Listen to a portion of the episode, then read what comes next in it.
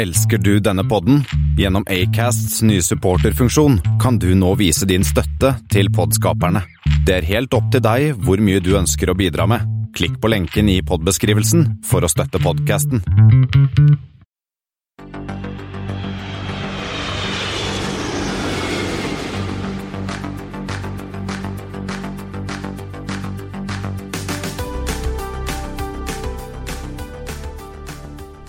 Hei og velkommen om bord på Flypoddens flight 65, som blir en spesiell flight for meg. Den er spilt inn 29. Eh, mai, og jeg heter Thomas Lone. Eh, med meg i dag så har jeg Espen Næss, og Christian Kamhaug er med en liten stund. Han er med på skal på en liten miniferie. Eh, I bil, faktisk.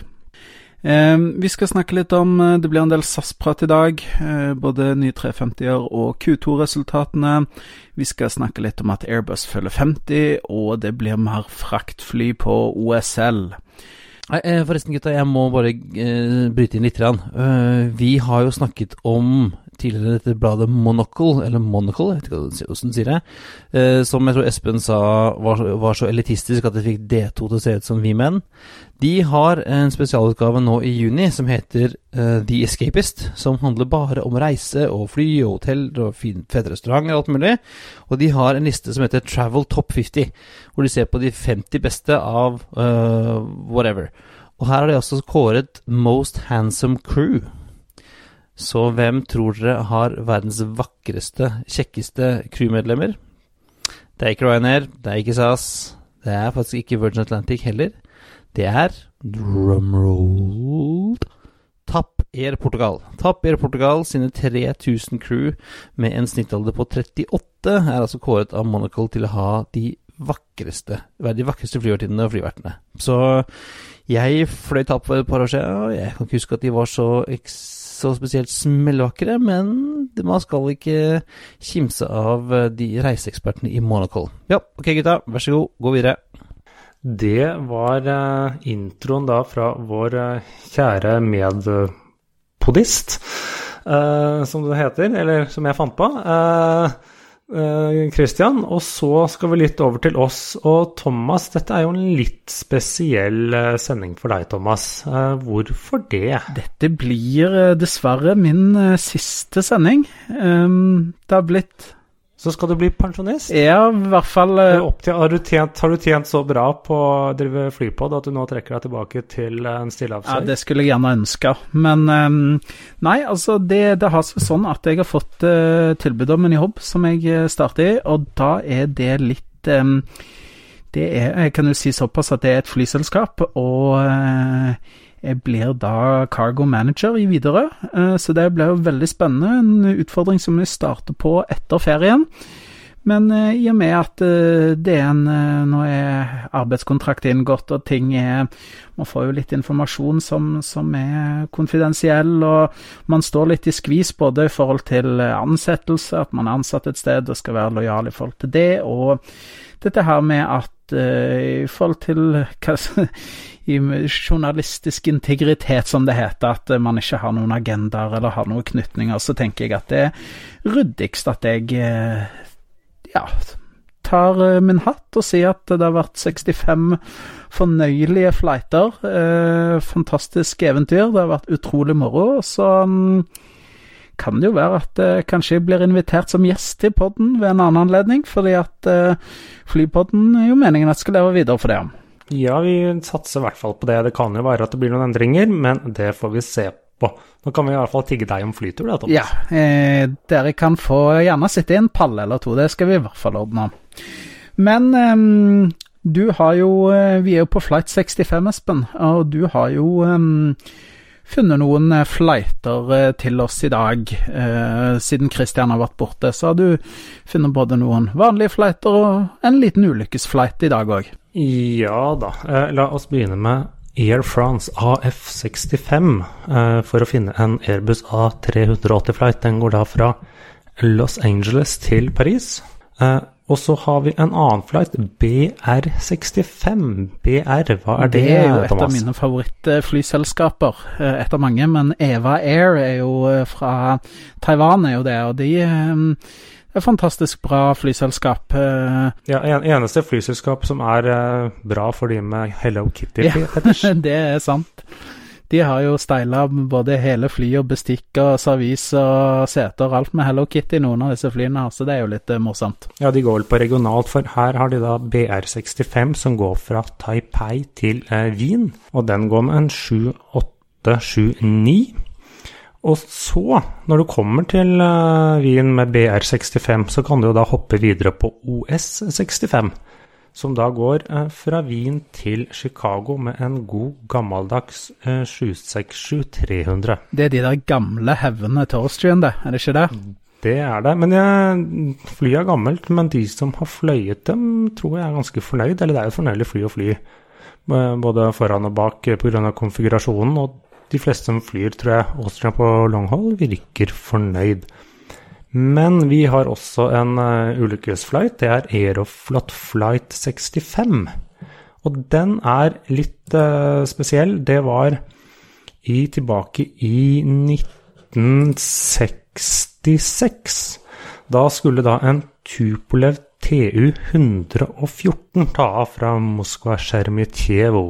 Og det som er litt spesielt, er at det eneste ulykken eh, med dette flyet Det er jo kun laget eh, Hvor mange var laget av dem? 32? Ja, det er ikke mange. Det er ikke veldig mange. Nei, men dette er jo et litt spesielt fly. Dette er jo det raskeste propellflyet eller passasjerflyet som har vært i bruk. Eh, De hadde vel, de har en maksfart på sånn 880 km i timen, men litt lavere eh, cruising speed. Men det er bygget på da Tupolev Tu-95, som er dette bombeflyet til eh, russerne. Ja, stemmer det. Med disse kontraroterende propellene. Ja, de, Eh, de, de ser kule ut. Ja, så det er definitivt et tøft fly, og det hadde jo en rekkevidde på over 10 000 km. Og da, eh, da um, Aeroflot Flight 65 den skulle da på en sånn eh, hoppetur nedover til Afrika. Først fra Moskva, så til Konakry i Republic of Guinea. Videre til Accra i Ghana, før de skulle eh, fullføre reisen sin i Brazzaville i republikken eh, Kongo, eller Republic of Congo. Eh, så, men det kom seg egentlig aldri veldig langt unna Moskva, fordi at den, det var snøvær, og de hadde ikke brøyta rullebanen skikkelig, så det satte seg litt sånn fast eh, underveis der, eller kom seg aldri opp i lufta, slik at det krasjet. Og 21 av totalt eh, Eller 21 omkom, og 45 eh, overlevde. Så det var en ren dårlig brøyting, litt pilotfeil og litt ymse. Men det er i hvert fall et eh, spesielt fly, og en da litt spesiell ulykke. Eneste jeg, jeg tenker på når jeg ser Altså, det var 47 passasjerer, og så var det et crew på 19. Det er ikke akkurat eh, gratis å operere 19 crew og, og med- og vi får 47 passasjerer. Det er klart, dette her er jo veldig, Ja. veldig mange år siden, men, Fly- eh, men de hadde Flyet Fly kunne vel ta en 170, og jeg sier det er mange år siden. Men Ja. så, så, hva var dette crew? Eller dette var jo litt sånn eh, De som fløy dette flyet, var nok eh, de si, likeste av de like eh, i eh, gamle Sovjetunionen. Og så vet jeg ikke, kanskje alle disse KGB-agentene som skulle passe på passasjerene, regnet som crew? Jeg, jeg vet ikke. Det, det er min teori. Det var i hvert fall en god besetning for de 47 passasjerene. Det var sånn eh, eh, to, eh, to passasjerer per crew nesten, så det er jo en fin eh, sånn eh, for, for forholdstall. Men eh, det har jo skjedd litt eh, denne uka her òg, og eh, noe av det som kanskje er det litt ja, interessante, er jo eh, SAS-resultatene for annet kvartal. Altså det som i SAS sitt regnskapsår går fra februar til april. Det er jo litt ja, skal vi si spennende å se på, eller eh, Det er jo i hvert fall spesielt, Espen, fordi at vi har jo fått litt streikeffekt og sånn inn der. Ja, du kan jo si at denne SAS-streiken så var jo da omtrent Var det 80 av den? Skjedde jo da i april, og det mm, bærer jo disse tallene preg av. Eh, ser man på omsetningen, så var den drøye 10 milliarder svenske kroner, litt opp, men de tapte, ja, hvis du ser da nettoresultatet, da, eh, på minus 933 millioner svenske kroner, og det er eh, ca. 600 millioner svenske kroner svakere enn året før. Og den såkalte earnings before tax var hele da minus 1,2 milliard svenske. Mm, omtrent ja, nesten 800 millioner eh, svenske kroner. Eh, dårligere enn året før. Og er jo, streiken er jo dette som virkelig drar ned her. De eh, anslo at eh, streiken nå kostet dem 430 eh, millioner svenske kroner i dette kvartalet, eh, og da til sammen ca. 650 millioner, hvor da resten kommer da i tredje kvartal. Og denne streiken det forklarer jo ikke alt. Ellers er det jo de SAS lider jo av det samme som alle andre selskapene lider av, så det er egentlig ikke sånn SAS-spesifikke problemer. Det ene er jo en høy oljepris, selv om SAS er jo, slik jeg har forstått det, ganske bra headset, så det kunne sikkert vært verre.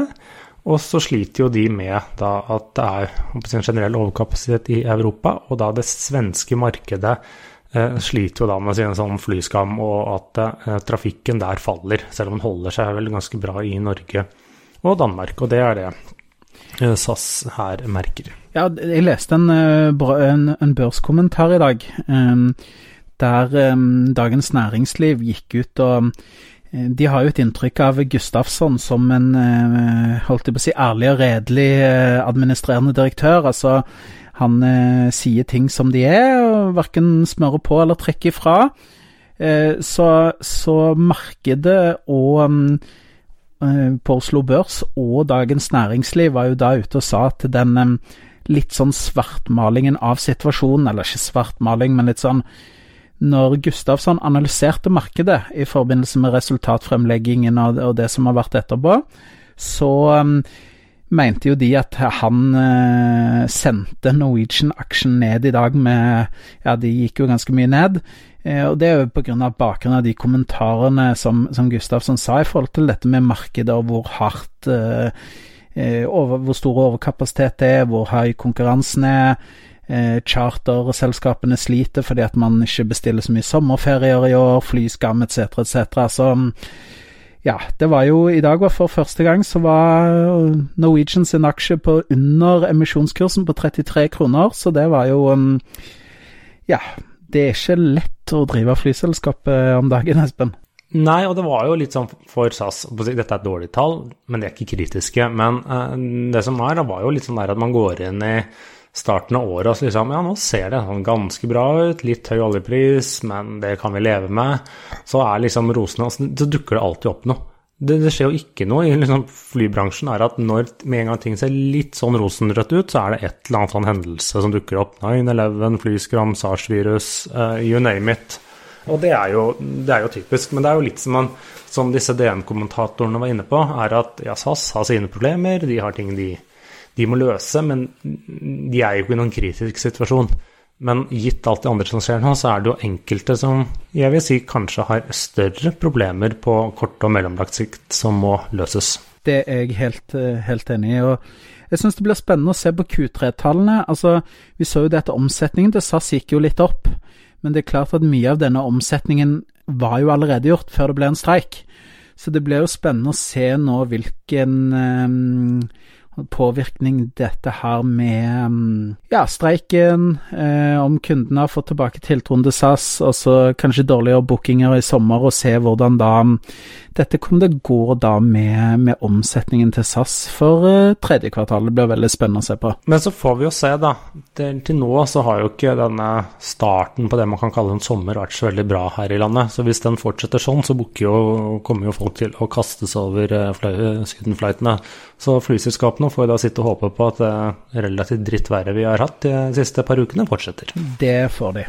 Men eh, vi kan jo hoppe litt videre når vi først er i SAS-hjørnet. Så um, siden eh, vi lovte jo å følge disse nye A350-maskinene til SAS litt. Um, og eh, sånn som vi, vi har fått eh, rykter om nå, så er jo da halen på den første maskinen. Um, den ble sett i Hamburg og er klar for å shippes til Toulouse for uh, montering. Ja, og det ble lagt bilde av det eh, tidligere denne uken, og da er den, så vidt vi vet, allerede sendt med en, da, en beluga ned til Toulouse for montering. Og jeg antar at den jeg, møter at det er allerede sikkert flere deler som har kommet ned dit, fordi at eh, disse delene som delvis gjøres ferdig andre steder, har en liten sånn klargjøring eh, før de liksom da settes inn i the final assembly line, som det heter, ned i Toulouse.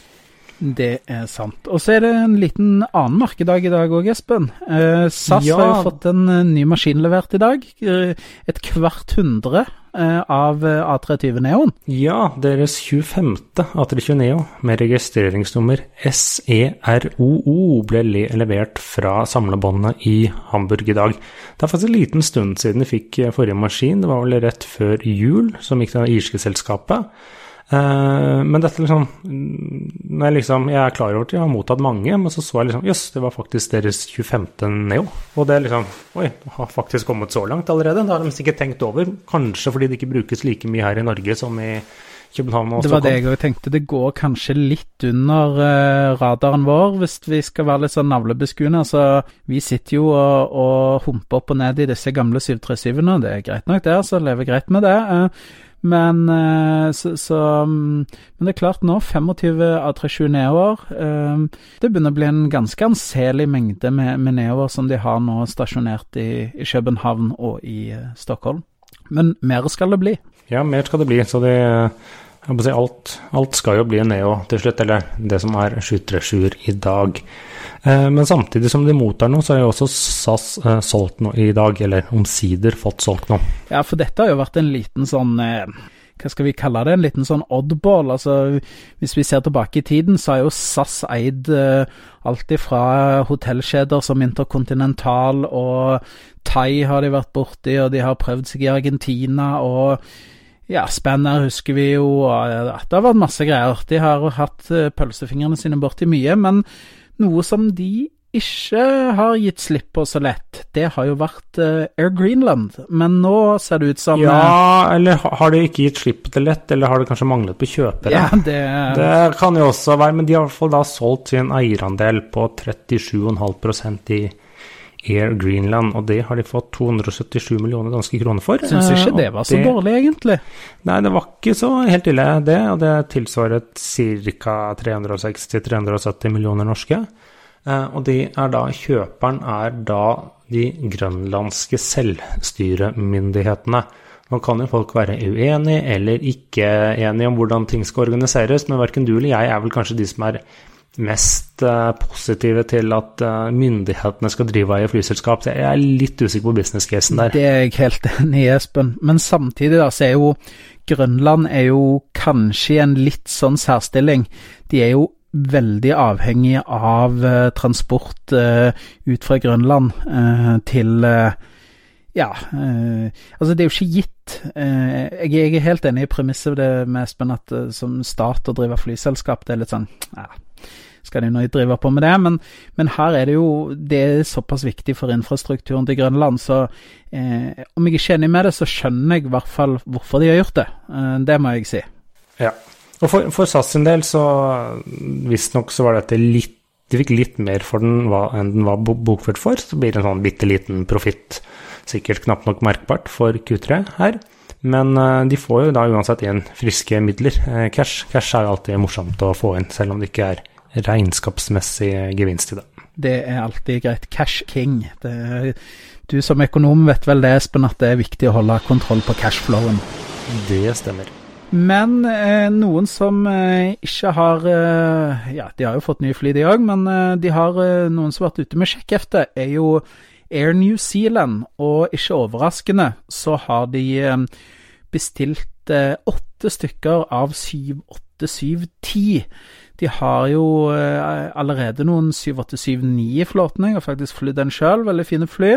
Men eh, du så ikke denne komme, Espen. Du tenkte at de kom til å handle mer ni fremfor tiere. Hvorfor det? Jeg tippet at de kanskje kom til å handle flere av de 2829, og liksom satse på en ikke helt enhetsflåta de, men i hvert fall flere. For de skal erstatte da Disse brukes til å erstatte åtte litt eh, opp i årene 777-200 Jeg tror de begynner å bli ganske gamle, Som- de maskinene nå. De begynner vel å bli noen eh, litt opp i årene, og liksom nieren er jo liksom ca. samme størrelse som dem. Og Air New Zealand har jo også ganske mange langruter, for all del. En 78710 kan fly ganske langt, eh, men ikke, ikke liksom de aller lengste, så jeg ble litt overrasket at det var ti og ikke ni. Men så da, da vil jeg liksom i framtiden da ha en flåte som består av 787, 9 og 10, og da 777-300 ER for langdistansemaskinene deres. Men det som var litt sånn overraskende eller det som mer er statement med denne bestillingen, var ikke at de valgte Boeing kontra Airbus. Er det motorene du tenker på? Det er motorene. Fordi at eh, til nå så har jo Air New Zealand fått levert sin 787 med Rolls-Royce-motorer, og de har jo hatt en del problemer med det. Det vet jo vårt hjemlige flyselskap eh, Norwegian alt om. Hvor mange 787 er ikke som står med ødelagte Rolls-Royce-motorer? Det begynner å bli noen, eller det er fortsatt en god del? Ja, altså det er veldig Det skjer, eh, men det er relativt sjeldent at et flyselskap da når de bestiller flere av en flytype, bytter motorleverandør. Men det har da skjedd her ved at de går for GE istedenfor Rolls-Royce. Type BA og sånn, de har vel gjort det på en del på noen maskiner på 777 sine og litt sånn, har de ikke det? Hatt litt de, forskjellige De byttet fra GE til Rolls-Royce uh, tilbake på 90-tallet, men der handler det nok litt om kall det si, kommersielle muligheter òg, og litt sånn Jeg tror de krangla litt med noe på vedlikeholdssiden og hvem som skulle få gjort det og ikke Uten at jeg helt husker den. Men de har også en større flåte. Når du har en ja, det er liten, liten her, her, Det er jo snakk om en relativt liten flåte for Air New Zealand. Uh, da er jo spiller jo den har liksom en enhetsflåte langt større. Mens da er du et stort selskap, uh, så er det ikke så viktig. Ta Lufthansa f.eks. Uh, de har jo både da uh, på sine 320-maskiner, så bestiller de da motorer fra begge leverandørene. De har ja, kanskje én motor på 320 og en annen på 319 eller 321 osv. Det har de gjort både med disse klassikene og da med eh, 320-neoene. Men grunnen til det eller todelt. Det ene er at de jo, har jo Lufthansa Teknikk som kan det å skru på motorer. sånn at de liksom tenker at vi må gjerne ha alle motorene sånn at vi kan dette. Og så handler det om at når det blir så stort, da kan du jo like godt samle litt av hver. Da får du ikke den Det kommer et sted eller et tidspunkt hvor denne stordriftsfordelen liksom ikke blir marginalt større lenger. At de heller ønsker å være eksperter på si, begge ja. deler. Og så tenker jeg eh, du setter deg i en veldig gunstig forhandlingsposisjon overfor uh, motorleverandørene. Hvis, det at, uh, hvis en, en, leverandør vet at du kan like godt velge en annen fordi at du har allerede den i flåten, så er det klart at du kanskje kan sikre deg en, en bedre deal, da. Ja, det er absolutt det. Når SAS liksom økte ordren på A320 Neo, det skulle jo veldig mye til da for at de bytter motor eller bytte, skulle ha bytte motor fra eh, C5, som de eh, opprinnelig hadde, eller sin første batchen, til da Pratt Whitney. Så da liksom kanskje klarer å hente ut litt ekstra penger, fordi også, det koster jo også flyselskapet å ha flere eh, varianter. Men ja, en, eh, vi, vi, kan jo ikke si noe annet enn at det var en, en, en statement fra Air New Zealand der. Um, også hvis vi ser på uh, litt hjemlige trakter, Espen, så har jo um, Airbridge Cargo økt uh, litt på OSL. Det har jo skjedd mye på, på cargofronten på OSL i det siste. Det har jo uh, noe Atlas Air har gått bort, og noen har kommet til, og det har disse Cal har gjenoppstått som et nytt selskap. Eller noe sånn med, med et annet AOC, men med det samme flyet og litt sånn. Det, har skjedd litt ting, men hvis vi skal se på det positive, så er det jo en liten økning eh, med Airbridge Cargo, er det ikke det? Jo, eh, de øker da fra to til tre ukentlig på OSL. Samtlige er jo da med 7428, så det er jo alltid litt kult. Det er et veldig kult fly. Ja, det er veldig eh, kult. De hadde sin første økning i går, fra og med 28. mai. Så det var litt morsomt at det ble annonsert dagen før. For det er jo litt som cargo. De omtrent annonserer oppstart i det flyet er på vei inn. Eh, så det er ikke sånn som passasjer, nye passasjerruter og økning der. Det må jo annonseres mange måneder i forveien, men de liksom bare plutselig dukker opp. Det gjør de. Eh, men jeg syns det var jo litt Eller ikke rart, det har sikkert noe med eh, for seg, men det var ikke en ny uke. De kommer jo normalt på tirsdager og fredager, men det var nok en, en frakter som kom inn på en sånn laksetirsdag. Ja, så de, de velger da å fly to ganger på hver eneste tirsdag. Og ifølge denne pressemeldingen fra eh, OSL, så er jo dette rettet mot ikke det russiske markedet, som man skulle tro når flyet går til Moskva, men det koreanske. For det går, eh, flyr til Moskva, og så tar det med seg laksen videre til eh, Seoul. Ja, riktig. Så da, Da kommer laksen kjapt og fort frem til våre koreanske kjøpere, så det er jo godt. Så får de nyte av litt deilig sushi og annen fiskemat. Men hvis vi går videre til Airbus, så begynner de å Ja, hurra, hurra. Et halvt hundre år. De feirer 50 år nå, Espen. De har holdt det gående da siden Ja, hva blir det? 1969? 1969. Ja.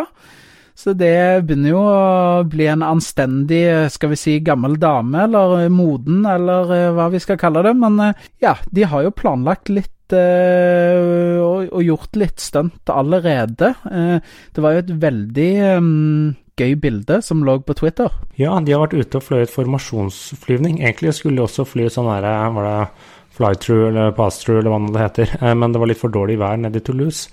Så det ble bare si, formasjonsflyvning opp i høyden. Én ting er at de hadde følge med noen jagerfly. Jeg klarer ikke å se hva det er, for var litt, de var så små i forhold til resten av flyene. Men de fløy da formasjon med henholdsvis en Airbus 380, en Beluga XL, nye, disse nye eh, større frakterne deres, som ser jo ikke pent ut, men det er noe så. En det funker? Airbus, ja, en Airbus 330-900, en Airbus 350 000, en A320 Neo og deres kanadiske nye, nye stebarn, eh, Airbus A220. Ja, og det var jo veldig fint. Det var jo um, Du så liksom A380-en og Belugaen ligge helt bak, og så har det jagerfly mellom seg, og så ligger disse 350-en og 330-en i midten, og så helt framost så har du 320-en og 220-en, Så det var jo ganske Ja, jeg, jeg, tror det har vært en gøy dag på jobben for disse pilotene til, til Airbus.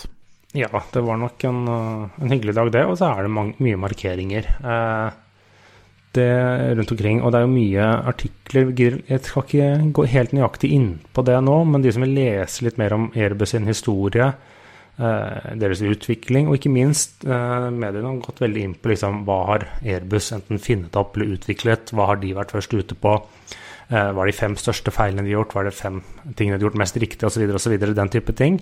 Finnes det nå veldig mange artikler ute på nettet, både på flightglobal.com, thisaviationweek.com uh, ja, og flere andre medier. Så det er som en liten, en liten sideanbefaling der. Da, sånn, ta en tur og lese litt uh, om det. Og det er en del litt sånne såkalte opinions, eller mer editorial innlegg som også liksom redaktørenes mening om ting. Jeg syns jo en ting som var verdt å merke seg, jeg eh, leste en del av disse artiklene i dag, og, og det er jo dette her med eh, som er en selvfølgelighet, men jeg hadde egentlig ikke tenkt på det først, at Airbus var jo faktisk først ute med tomotors eh, widebody-fly. Eh, som har blitt, kall skal vi si, bransjestandard. Eh, det, er jo, det, er jo, kun det nå. Um, og at de var Altså, det var jo det første Airbus gjorde, var jo å lage det. Det var det. De lagde jo egentlig et, eh, et widebody Ja, det var jo nesten kortdistansefly. Det var jo det. I starten. For de var heller ikke først ute med, med E-tops. Uh, nei, det var liksom de som egentlig revolusjonerte widebody og uh, to motorer. Selv om de var de som holdt lengst på four engine, four long haul på en annen måte. Men det var også. de var tidlig ute der. Og så, også det at liksom Eh, det revolusjonerende som er den 220, Airbus A320, hvor du liksom fikk da masseprodusert eh, fly by wire, mens da god gamle 737 fortsatt holder seg på den mer eh, ja, god gammeldagse kontrollmetoden. Men eh, nå når de er 50 år, Espen, eh, så kan vi jo eh, Har du en Hva er din favoritt Airbus-modell? Det er Ja, det må være 340. 340 600. Det er min òg, faktisk. Den, eh, den har jeg flydd eh, to ganger, og det er en ja, fantastisk maskin. Begge gangene med, med Lufthansen. Ellers så har jeg nå fløyet si, Det eneste, hva skal jeg si, Airbus-familieflyene ikke har fløyet, er jo da 310. Hva med deg, Thomas? Jeg, ikke, jeg tror ikke jeg har 300 og 310. Det er de jeg mangler. Nei, jeg, jeg fikk 300-en. Eh, jeg tror jeg både fløyt den med Thai bort til Thailand når de hadde den, og Lufthansa fra Frankfurt til London. De brukte jo disse 300-maskinene mm. for inntil en fem-seks år siden. Ja, det er ikke veldig lenge på, siden de pensjonerte. Nei, på tunge ruter innen Europa og uh, kortdistanse i Tyskland. Ja, det stemmer. Nei, så da, da i hvert fall er, er vi enstemmige i Flypodden i dag om at uh, A340-600 med, med, For de som gjerne ikke vet det, Lufthansa har faktisk toaletter nede i kjelleren i economy class på de maskinene, så selv om jeg fløy litt fremover i bussen, så måtte jeg bak og sjekke kjelleren. Det var litt morsomt. Men vi kan jo, om vi ikke skal hoppe helt inn i konkurshjørnet um, så eh, har du noe status eller noen oppdateringer? Er det noe som Mm, skjer? Jeg har, jeg, det har vært eh, heldigvis egentlig ganske rolig der i det siste. Eh, så jeg har ingen eh, dagsferske konkurser. Men i min eh, søken, eller ja, litt tilfeldig, så kom jeg over en kanal på YouTube. eh, som lages noe som heter Bright Sun Films, og de har rett og slett en liten serie som heter Bankrupt. Uh, det er jo, dette er jo YouTube-versjonen av konkurshjørnet. YouTube-versjonen av Konkurshjørnet. Dvs. Si at de har foreløpig tre episoder. En av de handler om uh, båter, så den, den hopper vi over. Ja, Men, Men du, de har du kommer til å se den òg. Jeg tror kanskje, jeg tror kanskje det. Ja. Men de har da laget en øh, Første episoden var om Panam, uh, om selskapet. Og da tredje episoden om uh, TWA. Ja, var den, den jeg kom over først, før jeg oppdaget at jøss, de har uh, flere. Hvor de liksom tar for seg litt historien til selskapet, litt kulturen, og så ja, hva de har gjort feil. Og det er sånn, dette er sånne 18 minutters episoder, så det er sånn for å få et raskt overblikk og anbefales på den måten. Det er mye gøy sånn flyrelatert på YouTube. Det er mange som er flinke og lager mye godt innhold. Det, det må jeg bare få sagt. Vi har jo anbefalt flere av de her i Flypodden. Men eh, vi kan jo gå videre, og Christian eh, med oss eh, på tur, holdt jeg på å si, har jo eh, ønsket å forestå ukens anbefaling, så vi kan jo høre på den. Og så må jeg få til å komme inn på slutten med ukens anbefaling. Jeg tror ikke vi har snakket om dette før, men eh, flysamlingen på Gardermoen eh, er vel verdt et besøk. Um, jeg var der oppe på søndag i forbindelse med et sånt lederarrangement vi hadde der oppe, og da hadde vi faktisk eh, den nydelige muligheten til å drikke vin og taste rundt og ta på fly samtidig. Fantastisk. Det er den beste måten å tilbringe en søndag på, spør du meg. Um, er selvfølgelig mye krigsfly, og vi har jo sagt i flypodden at vi egentlig ikke er så opptatt av fly som dreper folk med vilje. Men det er en del transportfly også. Det står en Junker 52 der. Det står en DC3, det står en Hercules, det står en Lockheed Lodestar, eh, faktisk i Boac eh, militærfarger, så den er jo litt sivil, og en Norseman. Så, så det var en hyggelig kveld på søndag. Gå og klappe litt på fly og drikke litt rødvin. Eh, kan anbefales. Nei, men da tror jeg at uh, dette var alt uh, for denne gang. Uh, for min egen del så er det jo That's all, folks. Da takker jeg for meg i Flypodden. Det er på tide å sale og sette på vei ut i solnedgangen for min del. Um, for dere andre så er det på tide å feste sikkerhetsbeltet, rette opp setet og sikre fri sikt ut av vinduet ettersom Flight 65 nå går inn for landing. Som vanlig så finner du linker til det vi har snakka om i dag på flypodden.no. Du finner oss også på Facebook, eh, du finner oss på Twitter og på Instagram. Har du et spørsmål, ønsker du å inviteres på flytur, ønsker du å sponse oss eller gi oss generell ris eller ros, så er det rett og slett bare å sende oss en mail på hallo at flypodden.no. Tusen takk for nå, det har vært en glede. We thank you for flying with us today. We truly appreciate your business and look forward to serving you on a future flight.